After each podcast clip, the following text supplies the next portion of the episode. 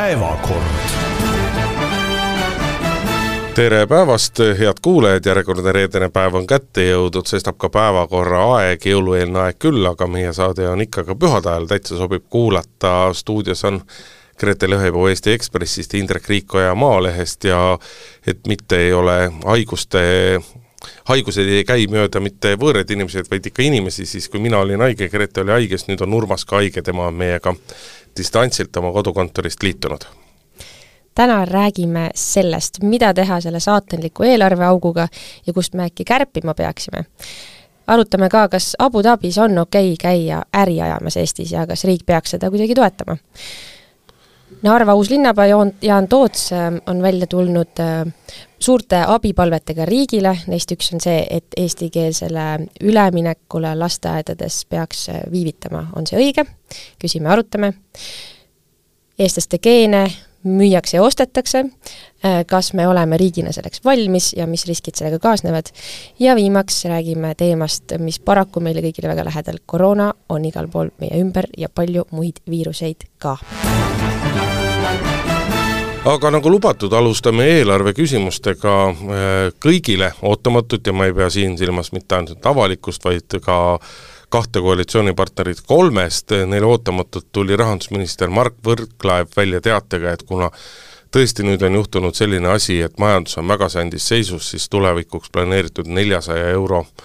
ulatuses, neljasaja miljoni euro ulatuses maksutõuse, mille arvelt siis või mille abil eelarveauku kärpida, et need maksutõusud tuleb või plaanitavad maksutõusud tuleb ära jätta, tuleb laenu võtta. Ja noh, ütleme niimoodi, et viimaste päevadega need sõnumid, et mida siis teha tuleb, mida see, mida see lause õigupoolest tähendab, on läinud väga segaseks, küll aga on läinud omavahel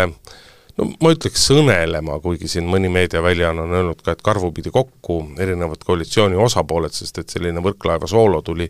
nii Eesti kahesajale kui sotsidele üllatusena ja nüüd käib vaidlus selle üle, et kas see lause tähendab seda, et sisuliselt meil äh, sügisel vastu võetud RES ei, ehk riigieelarve, riigieelarve strateegia ei kehti ja tuleb edasi vaadata, mis teha, ühesõnaga paksu pahandust on äh, valitsuses tükk maad rohkem, kui seda on viimaste kuude jooksul olnud. huvitav, et äh, kui see nelisada miljonit eurot, millest me suvel siin pasundasime söögi alla, söögi peale ja ma arvan, paljud vaatlejad ja ajakirjanikud ütlevad, me ju ütlesime, et see läheb haisema ja kui te plaastri paned peale sellele mädakoldele, ega ta ära ei kao Eh, noh, siin me nüüd oleme, aga et, et kui too hetk see tegelikult jäi sisustamata, siis kellelgi ei tekkinud äh, tunnet, et ohoo, et kui me seda nagu hiljem hakkame nüüd siis sisustama või kuidagi katma või leidma, et, et siis me peame ju äh, RES-i uuesti avama.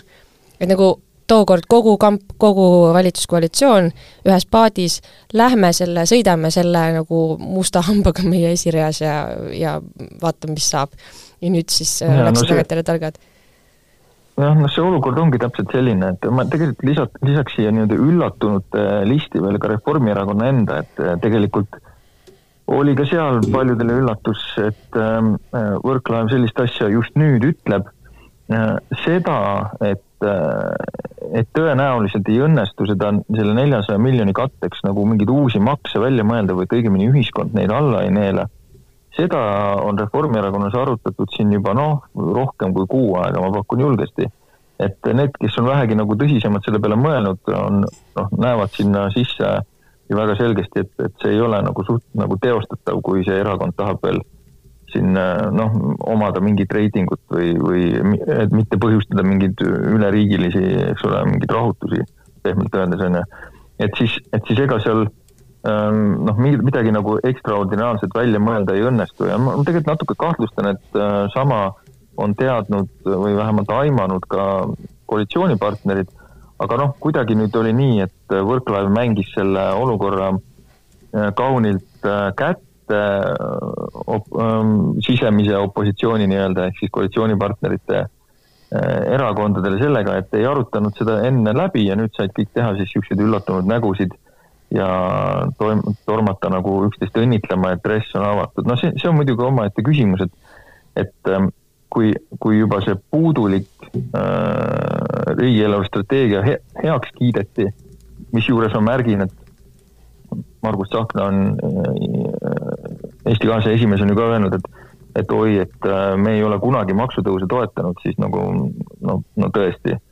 ise nad on selle ju, selle RES-i ju heaks kiitnud valitsuses üksmeelselt, konsensuslikult ja pole mingit probleemi olnud.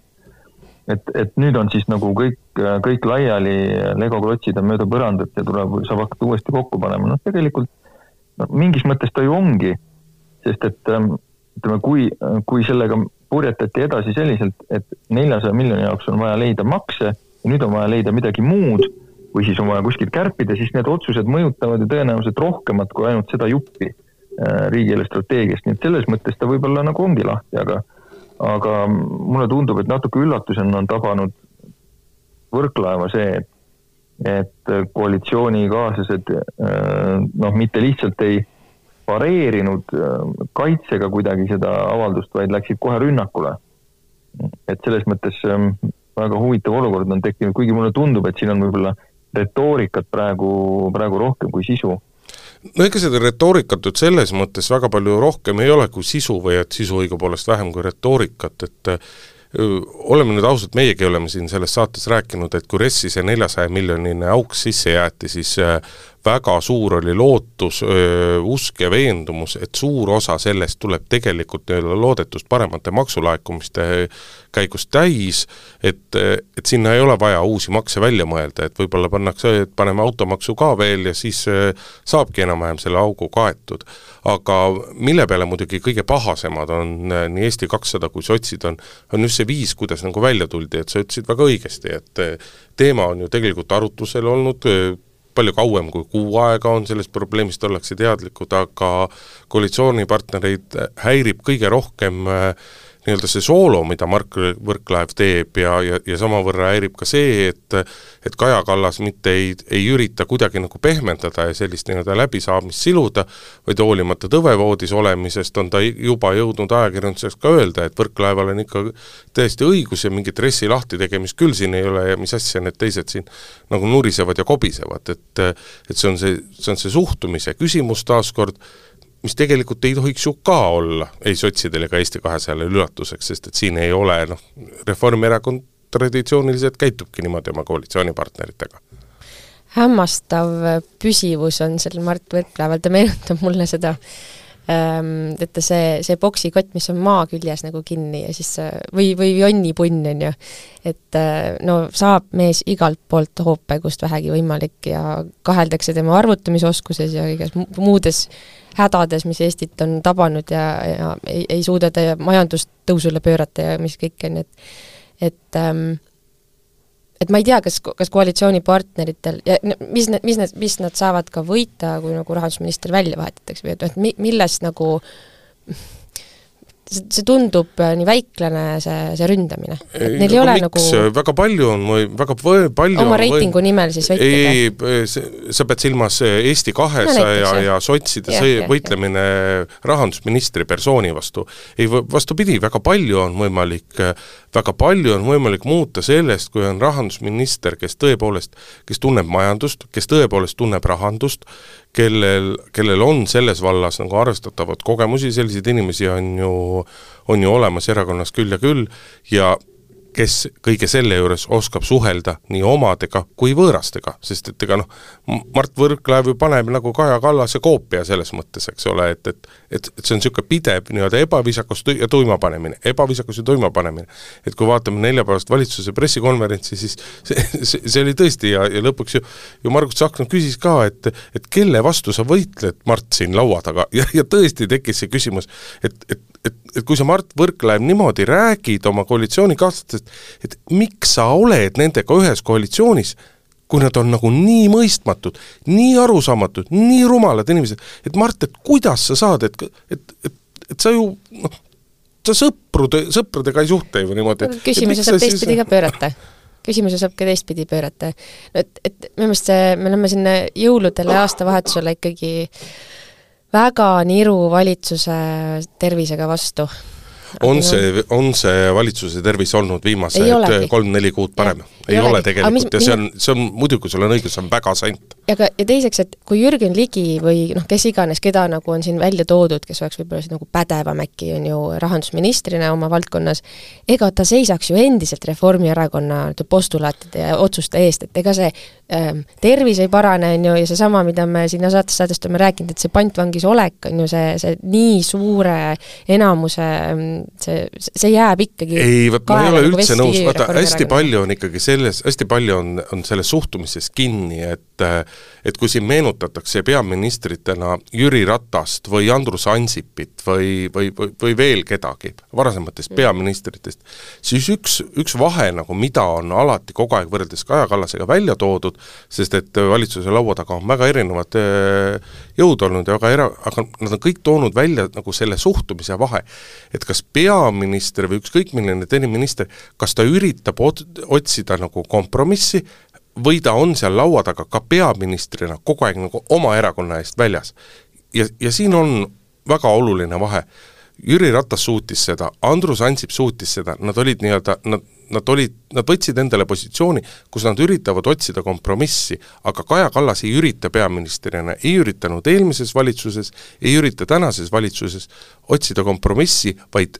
suruda läbi seda oma ainuõiget tõde. Ja seal on see vahekoht. no nüüd sa teed, nüüd sa teed muidugi esiteks Kaja Kallasele liiga ja teiseks unustad ära muidugi äh, Andrus Ansipi äh, oskuse väga jäigalt äh, mingite asjade vastu seista, lihtsalt võib-olla on asi selles, et kuidas suudetakse kokku, kokku leppida mingeid diile, aga neid kompromissideks nimetada on küll raske, kui sul on mitu valitsust käest ära lagunenud selliselt, et sealt lähevad partnerid minema või sa ise viskad nad välja, et no, no ikka seda viimast, et visatakse osas. välja, et ega ära ei ole keegi Reformierakonnast ise no. nagunii peale Keskerakonna läinud. jah, selles mõttes, et ärme neid siis koalitsioonipartnereid päris nagu sõpradeks nimeta, eks, eks see on ikkagi selline nii-öelda töine koostöö. aga mis Võrklaeva puudutab, siis selles mõttes ta teeb targasti, et äh, mina arvan, et ta ei lähe kuhugi, et see, kuidas siin spekuleerite, et äh, või vihjate, et justkui kas on mingi võimalus, et ta välja vahetada? oi, mina küll sellele ei ole vihjanud. minu, minu arust see, see, mis ta praegu teeb, äh, on see, et ta võtab tule enda peale ja minu meelest võtab ta seda peamiselt äh, ära Kaja Kallaselt, millega ta kindlustab ka seda, et ta ise päris kindlasti rahandusministrina jätkab, sellepärast et keegi teine seda Kaja Kallase heaks praegu küll ei paista, et teeks. aga Võrklaev seda teeb ja peab ka vastu ja selles mõttes ta poliitiliselt äh, kindlasti noh, käitub praegu õigesti, üks asi muidugi on, et, et kui, kui see olukord jõuab sinnamaani, et et siin, mis on siin vahepeal, mulle tundub, olnud kohati päris lähedal, et nagu mingisugust äh, noh, piltlikult öeldes, mingit verd on tänavale vaja Reformierakonnast, äh, et, et siis kõikide selle tulemusel, mis praegu toimunud on, Võrklaeva kohal muidugi kirves ripub, et äh, ükskõik missuguse asja siit viimasest ajast, neid leiab päris palju, millest saaks üles keerutada siis põhjenduse, miks ikkagi oleks nüüd vaja nagu värsket vaadet või, või uut lähenemist, kui peaks tekkima äh, olukord, et on vaja mingit vahetust ja, ja see, see iseenesest muidugi poliitiliselt oleks äh, mingil hetkel mängiks ju täitsa kasuks, sest siis on võimalik äh, öelda, et uus inimene vaatab uuesti asjale otsa, hakkame siit äh, arutama ja lööb ka nagu õhu klaarimaks ja natukene niisugust nagu kriitikalt pealt maha. aga praegu paistab, et Võrklaev täitsa kenasti selles mõttes ju peab vastu, kuigi, kuigi see näib sellise nagu koleda pressimisena, aga mulle tundub, et et siin noh, oma osa on selles ka nendes Indreku nimetatud äh, koalitsioonipartneritest sõpradel, eks, kes siis täna ikkagi, kes siis seal valitsuse pressikonverentsil ikkagi nagu võimsalt äh, puid alla panid äh, Mark Võrk, Võrklaevale, et ma arvan, et et need emotsioonid jahtuvad maha sellisel määral, et me näeme RES-is mingisuguseid muudatusi küll ja küllap sinna äh, ka midagi välja mõeldakse, muide, mida, millest me võiksime ka siis rääkida, et kus siis see, äh, kus see auk siis nii-öelda nagu ära kaetakse, aga see kindlasti ei ole nagu nii dramaatiline, kui,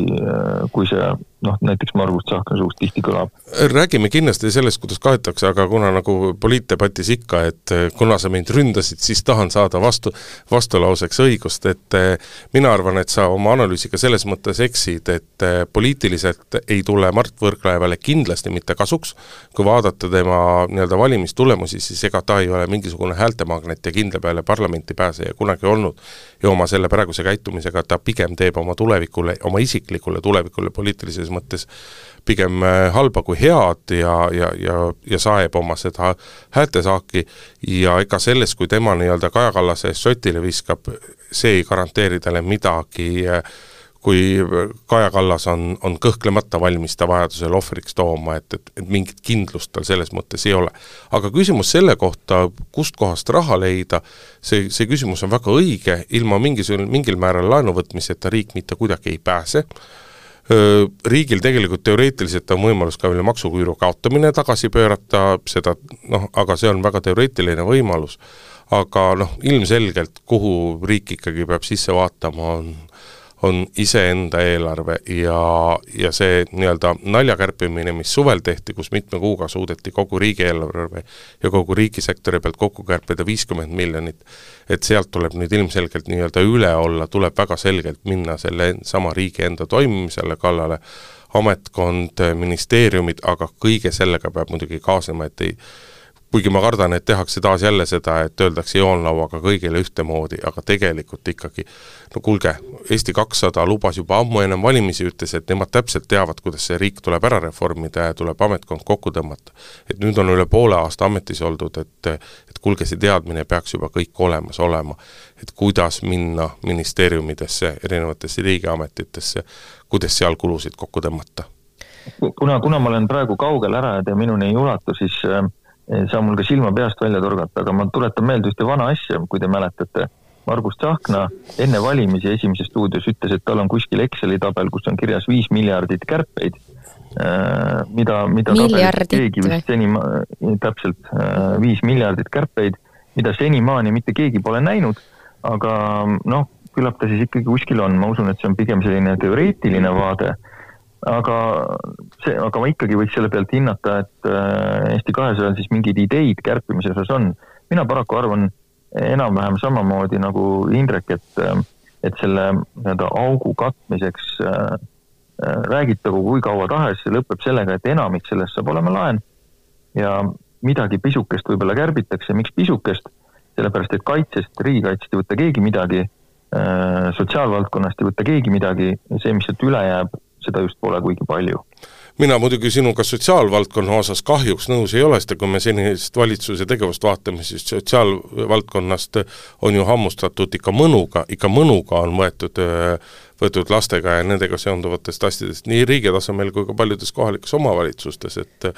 et noh, kui sa mõtled emapalga kärpimise peale, et pisut küll, aga ikka pisku abiks aga tegelikult noh, tegelikult oleks lõpuks ometi tarvis tegeleda riigisektoriga, nende ülesannetega ja selle täitmiseks vajalike inimeste hulgaga ja sellele, kas kõike seda, mida riik tänasel hetkel teeb, kas kõike seda peab tegema ja öelda, et seal ei ole asju, seal on asju küll jah, paljud nendest on väiksed asjad, aga siin toimub küll, toimub küll see, et, et, et hulk väikseid asju annab kokku suure asja. Kaks asja, kuigi me oleme selle ploki juba täitsa lõhki rääkinud, aga kaks asja mainida, et esiteks ma mm, ütleks, et meil ei tasu nagu nii leili nüüd ka minna sellest Võrklaeva avaldusest et, ähm, et ärme, ärme lähe nüüd selle poliiteufooriaga, mis on, mis on mängu osa, äh, sellega kaasa, sest et ähm, minu meelest ikkagi, kui asjad muutuvad, ähm, mõeldakse ümber või planeeritakse ümber, siis see on tugevus, kui sellest räägitakse enne, kui et pärast oleks hiljem vesi ahjus palju hullemini või kuidagi tuleb siis tagantjärgi välja, et on, on tehtud mingisugust äh, jumpstükki selle ja, ja mustkunsti selle seadusega. Äh, ja teiseks ähm,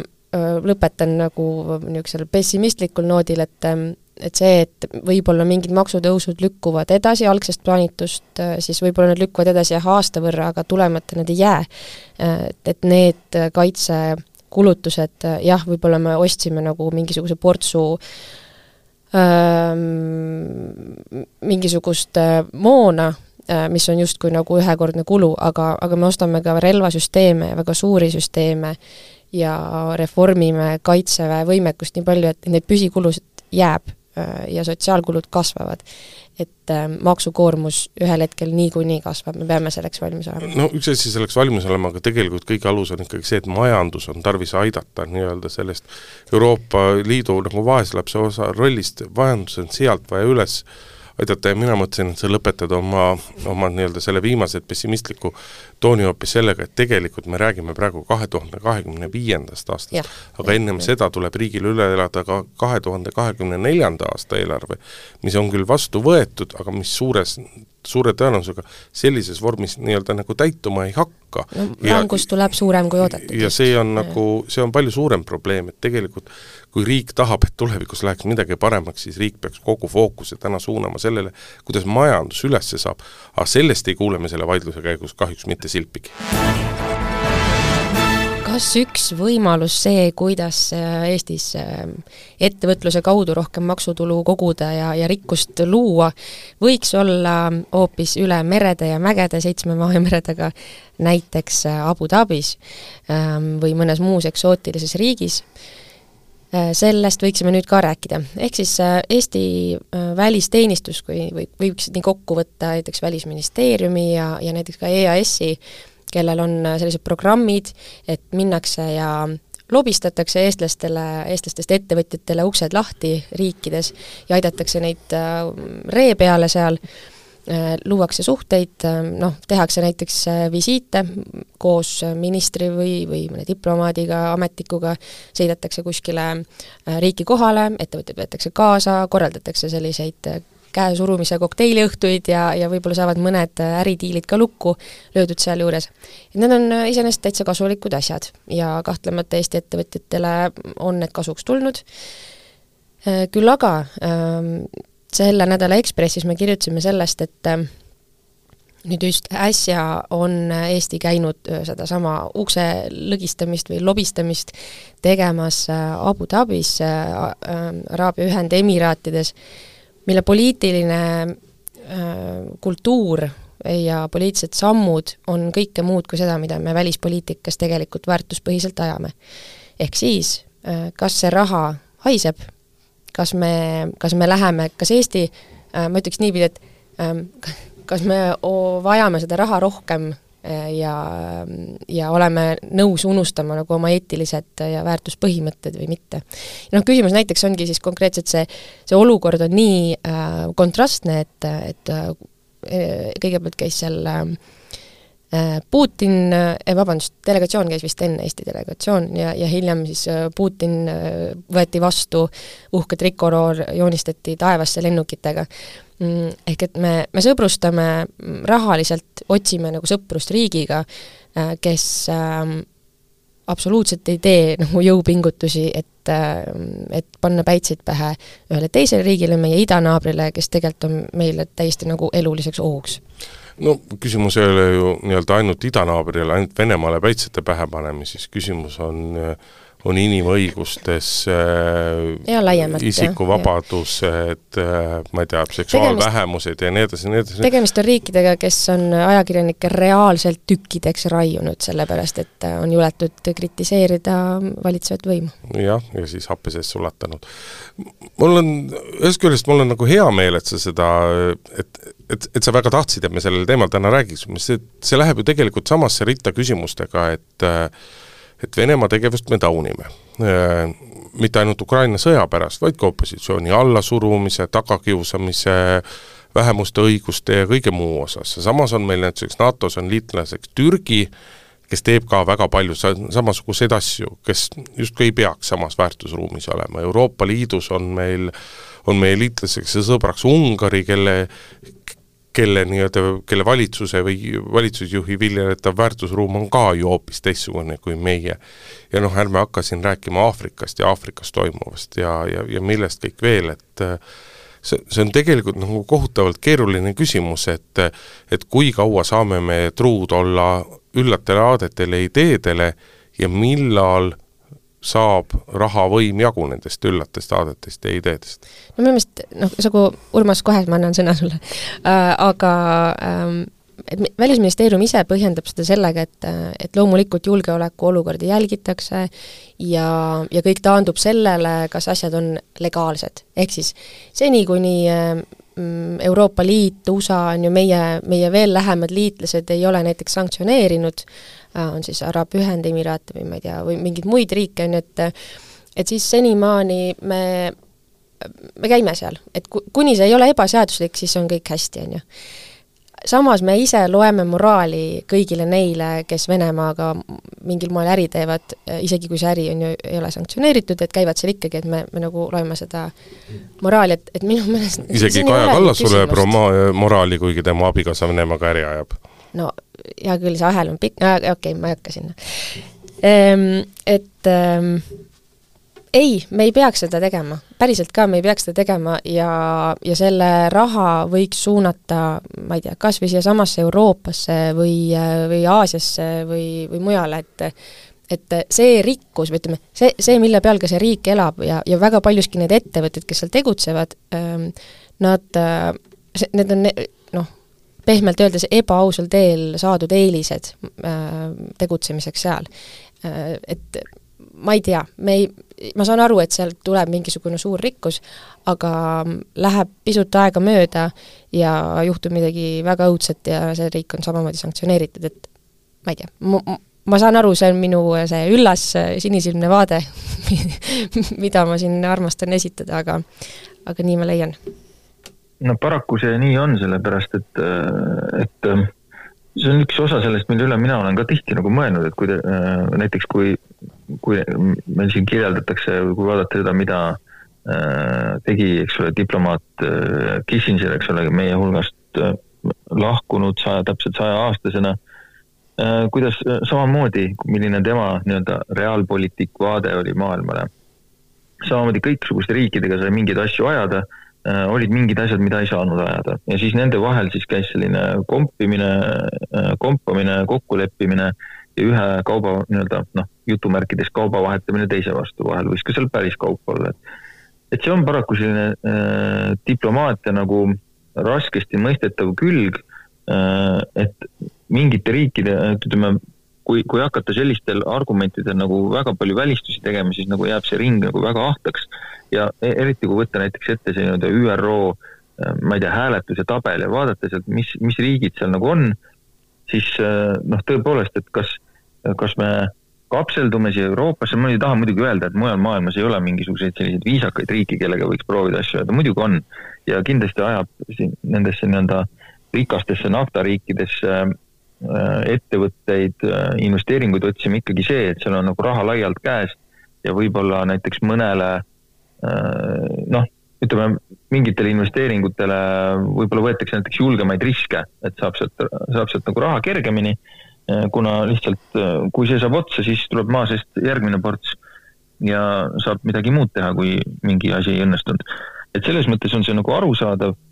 ähm, ja ma mingil määral saan aru ka sellest äh, välisministeeriumi põhjendusest, et noh, et mingitel alustel peab ikkagi nagu mingi suhtlus nagu põhinema, et et äh, seadused, eks ole, või sellised noh, rahvusvahelised kokkulepped on mingi alus, millel see saab põhineda et üldse teha nagu mingit siis vahet, et kellega nagu suhelda saab ja kellega ei saa. et ähm, noh, teine küsimus on tõesti need eetilised ja moraalsed normid, et mille osas ka riigid ju teevad tegelikult valikuid, sest mingite riikidega kahtlemata suheldakse rohkem kui teistega. Mm, ja noh, kuskilt need valikud nagu tehakse, aga ega see nagu noh, tervikuna muidugi ta nagu hea välja ei näe, aga, aga ütleme ka selline diplomaatia peab mingites asjades käima, ma küll ei usu muidugi, et näiteks äh, seal Araabia Ühendemiraatides mingitel suhtlustel alati tõstatatakse näiteks mingisugune inimõiguste küsimus või kahtlustan, mitte ühelgi suhtlusel, mitte ühelgi sellisel visiidil ei tõsteta mm. seda küsimust. ei, tõenäoliselt ei ka, et seda seal ei kerki. tõenäoliselt ei tõstetagi, aga ega siin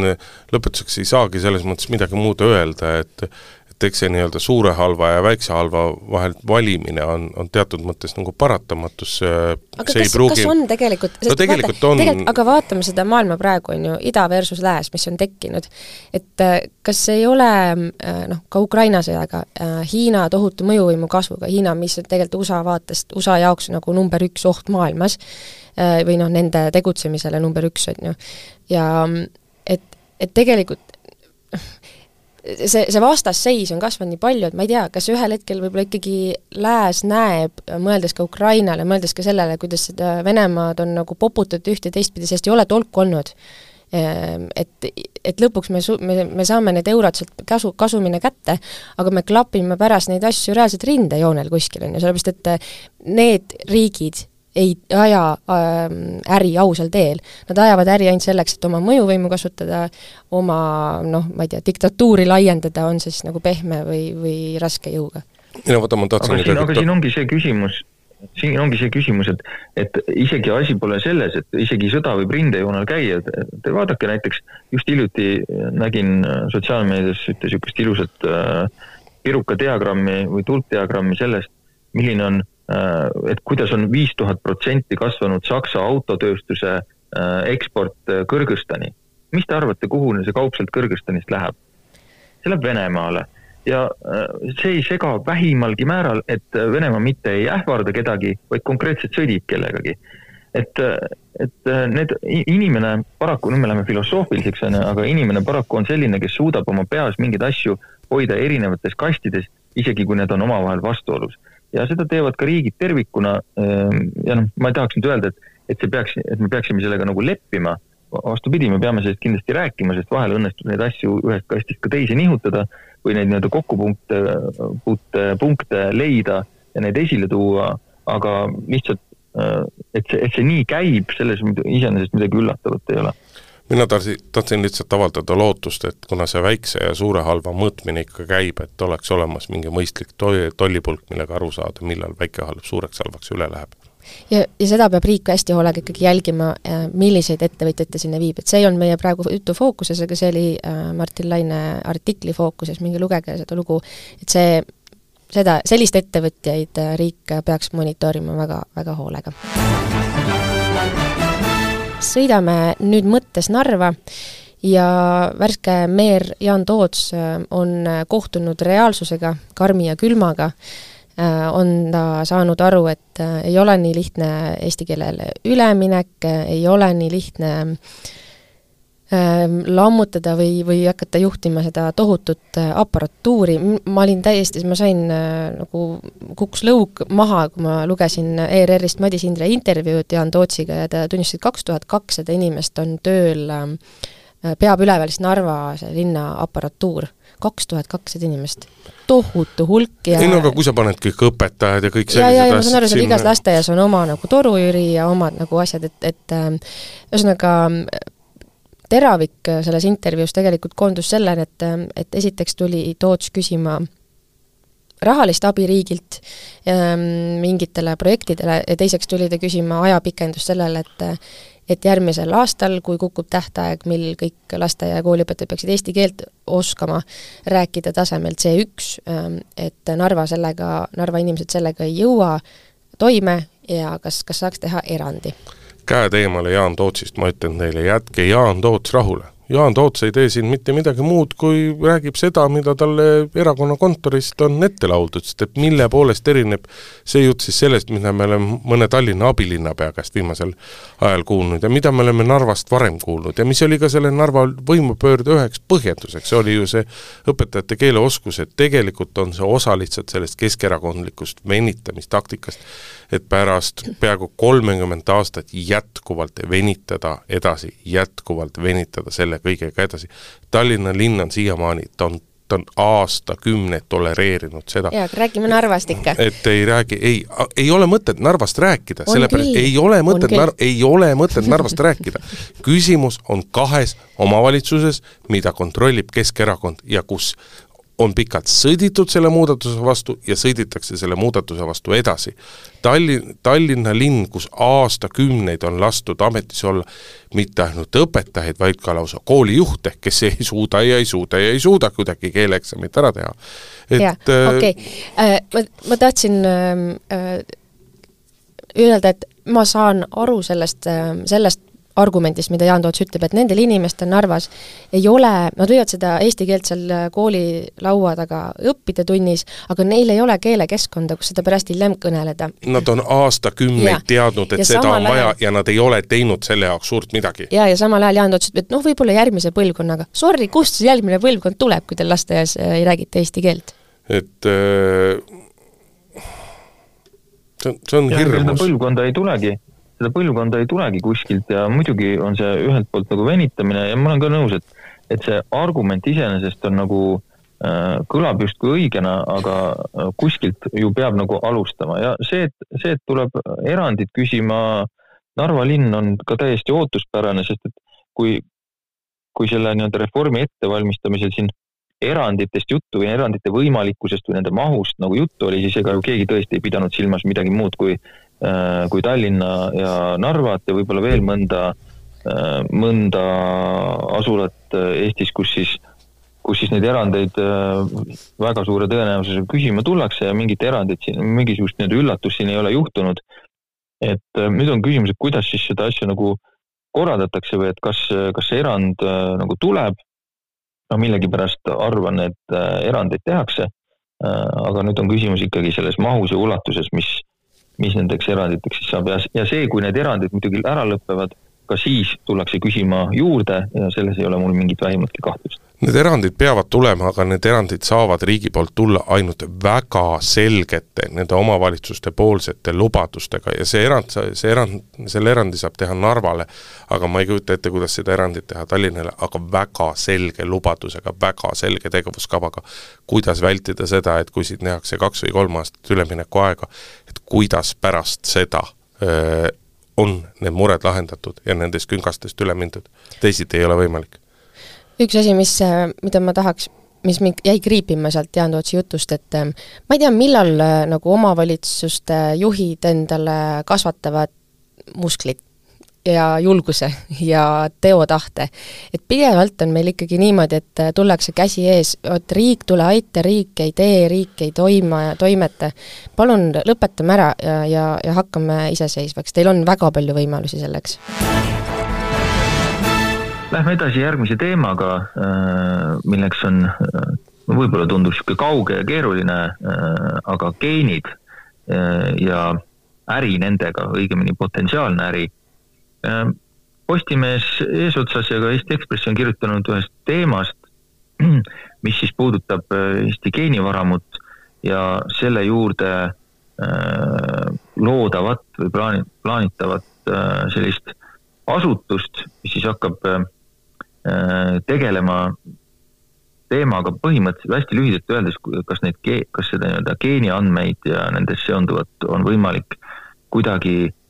noh, hästi robustselt öeldes rahaks teha, õig-, täpsemalt öeldes äh, saada nende kaudu raha kuidagi selleks, et teha äh, teadust edasi. Äh, kui siin Postimehe fookus on olnud selle nii-öelda biopanga loomisel ja nii-öelda kahtlusel, et kas keegi tahab geenide arvelt rikastuda, siis Ekspressi nurk oli selles, lool selles, kuidas juba väl-, väga paljud, täpsemini kolmteist miljoni tehingut, isegi rohkem kui miljoni tehingut on jäänud ära mis, mis on juba olnud sellised, kus on tahetud nii-öelda geenid, äh, Eesti kogutud siis geeniandmed panna raha teenima. Äh, eks see on nagu selles mõttes hästi polariseeriv või hästi võib-olla ehmatav teema mm, selle koha pealt, et äh, kuidas siis nii, me oleme, me oleme kogunud kokku mingid geeniandmed, meil on mingi rahvuslik uhkus, nagu see geenivaramu ja geenipank ja kogu see, selle valdkonna teadus ja nüüd siis justkui keegi üritaks kuskil nurga taga seda kõike äh, rahaks pöörata. Ähm, no kui, kui need artiklid lugeda, siis saab tegelikult ju aru, et ähm, see probleem on samasugune nagu, nagu mujal ka mitmetes teistes valdkondades, et, ähm, et raha selleks on vaja, et äh, seda teadust edasi teha, aga seda on tihti vaja rohkem, kui näiteks riik seda saab anda, aga erasektoris on seda raha oluliselt rohkem, aga erasektor tahab midagi saada vastu ja pole midagi imestada, et äh, ravimitööstused on väga huvitatud nendest geeniandmetest, äh, et töötada välja uusi, uusi ravimeid või teha seda seniseid äh, targemalt, kvaliteetsemalt ja nii edasi. et ähm, mina ei, ei teagi, kuidas me peaksime nagu sellesse suhtuma, et, et ähm, põhimõtteliselt ähm, kui on tagatud, siin hästi, hästi suur rõhksõnal kui, see, et need andmed on nagu turvalised, et, et mingid valed asjad ei satu valedesse kätesse,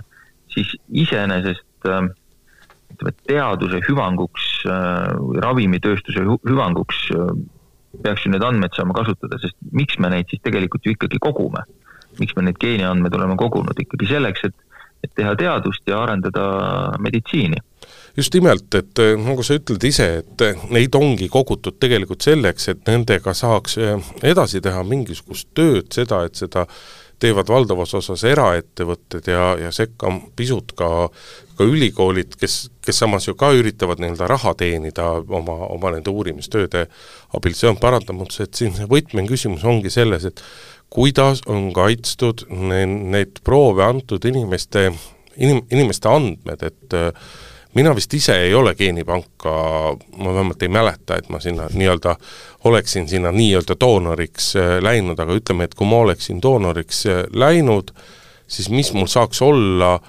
vastu sellele, kui on teada, et need geenid on võetud äh, ma ei tea, mingis vanuses meesterahvalt ja et, et need ei oleks võimalik nii-öelda selgelt minu isikuga siduda, sest et noh, teised geendidega seotuvad uudi-, seonduvad uudised, mis meil ju viimastest nädalatest tulnud on, puudutavad seda, et, et kui on tehtud erinevaid analüüse, et siis on on ühest ettevõttest on lekkinud pea kümne tuhande inimese andmed, nende isikutega seostatavad nii-öelda terviseandmed, et, et kuidas tagada see, et neid andmeid ei saaks kuidagi kurjalt kasutada ja kui see on nagu suudetud tagada, siis siis see ju nende geeninäidiste korjamise mõte ongi Eestil tuleb äh, hästi kiiresti ja väga konkreetselt üle vaadata küberturvalisust puudutavad reeglid. ja noh, üks, üks asi on jah, see nende, neid geeniandmeid puudutav, aga nende geeniandmete äh, hoiustamisel ongi juba ka olemas reeglid, äh, et selles mõttes, et ei ole niimoodi, et, et sellel ettevõttel on arvutis desktopil äh, kuuskümmend miljonit kausta, igal kaustal on nimi Indrek Riiko ja Grete Lehepõis, võtad lahti ja näed mu geene. ei ole nii, et äh, et need äh, peavad olema nagu dekote-, noh, isikud on lahti seotud, on ju, sellest nagu siis bioloogilisest infost ja, ja neid kokku viia peab olema ikkagi keeruline. et no aga, tahaks öelda, et võimatu. no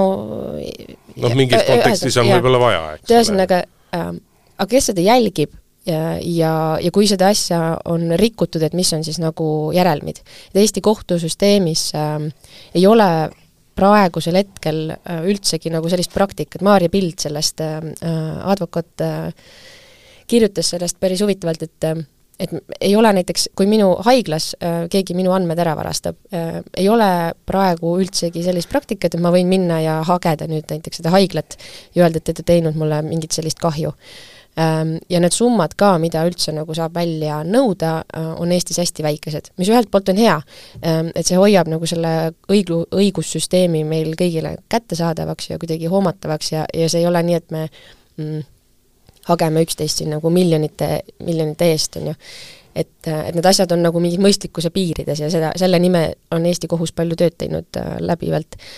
aga teistpidi ähm, noh, me, me peame nagu hästi kiiresti tegelema nende asjadega äh,, üleüldse küberkaitse kui selline ähm,, noh, ma arvan ka, et et Riigi äh, Infosüsteemi Amet või on, või on see Andmekaitse Inspektsioon, ei peaks kartma trahvida ettevõtteid, kes hoiavad nagu mm, noh, mitte kes ainult ei suuda isikuandmete turvalisust tagada ja,. jah, jah, nendes ette, nõuetes, mis tegelikult praegu juba on olemas lõpetuseks räägime, äh, kui nii saab öelda, siis päris tervisest, et geenid on ka ikkagi osa tervisest, aga selline nii-öelda natuke hoomamatu ja kauge asi, aga oi, need on, need on põhjus, miks sa oled ja miks sa ka haigeks jääd. just nimelt. aga praegu ei tea tõenäoliselt ei tea, ei ole kuskil kedagi, kes ei teaks kedagi, kes ei oleks äh, suvel taas koroona või sügisel taas koroonasse nakatunud ja uus koroonalaine, mingisugune uus nimi on talle ka pandud, ma ausalt öeldes ei suudagi meenutada, mis ta, mis selle tüve nimi nüüd on, on jälle liikvel ja, ja väga palju on nii koroonahaigusi kui ka kui ka muid tõbesid ja kõige selle taustal on üles kerkinud taas vaktsineerimisküsimus ja muuhulgas küsimus sellest, et kas koroonavaktsiin tuleks muuta tasuliseks, nii nagu näiteks gripivaktsiin on, kas ta peaks olema täiesti tasuline, kas ta peaks olema näituseks vanemale kui kuus, kuuskümmend pluss elanikkonnale, kes on nii-öelda suuremas riskirühmas, kas neile peaks olema tasul, tasuta, teistele tasuline, ehk kui väga me peaksime tegelikult tänasel hetkel koroona pärast muretsema, sest et kuigi me kõik teame kedagi, kes on, põeb koroonat, siis see ühiskonna nii-öelda selline üldine nagu ohu tunnetus ei ole kindlasti nii, nii suur, kui ta siin on olnud veel aasta-paar tagasi. noh, selles mõttes on koroonast saanud nagu äh, meie nagu see igapäevahaigus, ähm, mis tähendab ka seda, et me oleme sellel, seda, meie, meie organismid saavad sellega natuke nagu paremini juba hakkama ja meie haigus, äh, haiglasüsteemidel ei ole seda ohtu, et see, see, miks me kodus istusime kolm aastat tagasi, oli ju see, et meil ei me, me läksime nagu õieli rinnaga vastu, vastu sellele ja noh, nagu tulle olime kõndimas ja, ja haiglad poleks suutnud meid kõiki siis päästa. tüved olukord... olid ka muidugi karmimad ja ohtlikumad, mis äh, toona olid? nojah, jah, vaieldav jällegi, et kuidas see immuunsus ja kõik see mängib väga palju, aga see selleks, jaa. Ehm, ma arvan, et äh, koroona, esiteks äh, vaktsineerimine peab täiskasvanu eas jääma vabatahtlikuks, et selles mõttes ma lastele kindlasti peab olema see noh, ta on, meil on ju kohustuslik jah, aga ega keegi sult lapse õigusi ei kohustuslik, koroonavaktsiinina no, ei ole kohustuslik. ei, ei ole jah, aga ma ütlen, et noh, et ma ei tea, mumpsid, saarlakid, niisugused äh, no need peavad ikka ka lastele kohustuslikud olema. aga et täiskasvanu peab saama ise otsustada äh,, gripivaktsiin meil ei ole kohustuslik äh, ja gripp äh, mingites vanusegruppides on isegi ju tegelikult teeb palju hullemaid asju kui koroona, mida me praegu tunneme ja gripivaktsiin on tasuline. et äh, minu meelest see, see kuldne kesktee oleks seal, et, et riskigruppe äh,, näiteks hooldekodu elanikke kindlasti võiks riik toetada, et ne-, nendelt ei peaks raha küsima vaktsiini eest. ja neid oleks ka väga oluline vaktsineerida äh,. Meie, kes me käime tööl äh, ja suudame, suudame ise ehk selle eest maksta ja oma tervise eest maksta, mm, meilt oleks okei okay raha küsida jah, selles mõttes on huvitav olukord küll, kas te muidu teate, mis on äh, nii-öelda praegu äh, Äh, leviva tüve nimi, mille, mille kohta, mäletate, kunagi oli selline olukord, kus äh, WHO mingeid asju kuulutas huvipakkuvaks variandiks. kas Urma, Urmas üldse ei kuula meid, ma just ju ütlesin, et ei mäleta, ei tea, Urmas. no vot ei mäleta, no vot ei tea, see on JN1 on see, on see, mille on kuulutatud nüüd huvipakkuvaks. ma mäletan väga hästi, kui siin nüüd, kui siin neid variante väga hoolega jälgiti mõni aasta tagasi, siis, siis juba see hirmutas inimesi, kui WHO midagi huvipakkuvaks variandiks kuulutas Äh, mis tähendas siis seda, et seda tasub nagu lähemalt vaadata, kuna sellel on mingisugune potentsiaal millekski, aga siin on, sellele on eelnenud siin HV1 variant ja sellele vist ka siin EG5 variant, ühesõnaga äh, point on selles, et äh, jah, me oleme siin kõik selle haigusega nii-öelda nagu harjunud, aga see viirus ise ei ole nagu selles mõttes valmis. et ta muutub endiselt, tüved arenevad endiselt, ta ei saa kunagi valmis Äh, aga ta, ütleme noh, tõenäoliselt liigub siis sellise, selle nii-öelda tasakaalupunkti poole äh, loogiliselt, et äh, kus siis, kus siis tal oleks võimalik nagu maksimaalselt levida niimoodi, et ta peremees organismile nagu liiga ei tee, sest et noh, selleks on vaja elusat inimest, et haigus edasi leviks ja edasilevimiseks noh, on vaja olla hästi nakkav. et selles mõttes tõesti, me oleme kuidagi nagu nii kaugeks jäänud see et need uudised enam nagu suuremat tähelepanu ei tõmba, aga äh, noh, vaktsineerimise osas äh, ma olen ka nagu seda meelt, et see kohustuslikkust äh, tõenäoliselt ei peaks tulema, sest et me praegu ei ole seni näinud, et, et need tüved oleksid muutunud või paistaksid, võiksid muutuda selliseks, et et inimene, kes seda kannab, võiks olla kuidagi ohtlik ja teistele sellisel määral, ta on kindlasti ohtlik, aga mitte sellisel määral kui siin aasta, paar aastat tagasi et äh, selles mõttes kasulik on see ikka, aga jah, tõesti see ilmselt peaks jääma oma vastutusele, nüüd omaette küsimus on tõesti, et kas selle eest peaks ühel hetkel hakkama raha küsima, sest et ähm, noh, üsna selgesti mingil hetkel riik enam selle eest nii-öelda nagu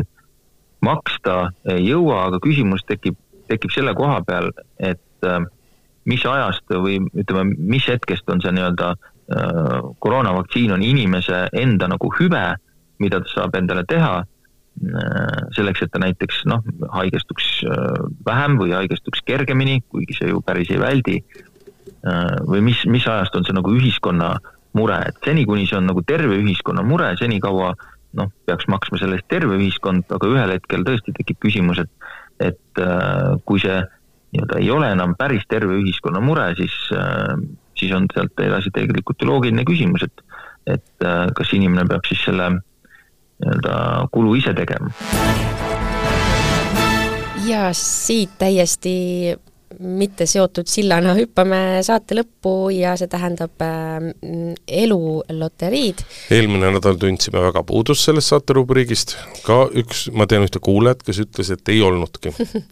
Aga tõmban äh, loosiratta käima ja, ja siis kohe saame teada stopi vajutasid ka ise ära või? meil see demokraatia on muidugi lahkunud, lahkunud. eluloterii osas täielikult jaa, küsimus järgmine. Prantsusmaal kadus ühes hotellis üks väga kallis sõrmus. ja siis see leiti ühest kohast, mis on äh, jumala loogiline, kust võiks leida kadunud asju. kust see leiti? mina tean vastust, kas sina tead, Urmas, vastust mm,? ei tea, aga ma pakuks siis, ma ei tea, padjapüüri seest tolmu, tolmuimejast. tolmuimejast jaa, ja loomulikult sai koristaja enne seda veel päid, vastu päid ja jalgu, et on varastanud äh,, varastanud kalli äh, sõrmuse, selle sõrmuse hind on äh, umbes seitsesada tuhat eurot ja no ma oleks ka üsna pahane, kui mul selline sõrmus ära kaoks. ma ei tea, ma, kui ma tunneksin sind ja teaksin, et sul on seitsmesaja tuhande eurone sõrmus ja et sa oled selle ära kaotanud, siis ma tahaks sinu käest muidugi küsida, et, et kallis Grete, kuidas see on võimalik, et sa, et sa selle kaotasid, et, et sa selle nagu maha pillasid? jälle aplaus, see oli mulle see oli aplaus. ja mina ilmselt ei oleks isegi stuudios, kui ma teaks, et Grete on niisugune sõrmus, ma oleks seda kusagil, kusagil otsimas tõmbasin vahepeal uuesti loosiratta käima ja äh, jõulude teema äh, väga palju on meil täna esindatud ja Tallinna jõuluturul on jõuluvana, kes äh, kuulab laste soove ja võtab, ütleb neile häid soove vastu, aga talle on esitatud ka päris kummalisi palveid täiskasvanute poolt. mida täpselt?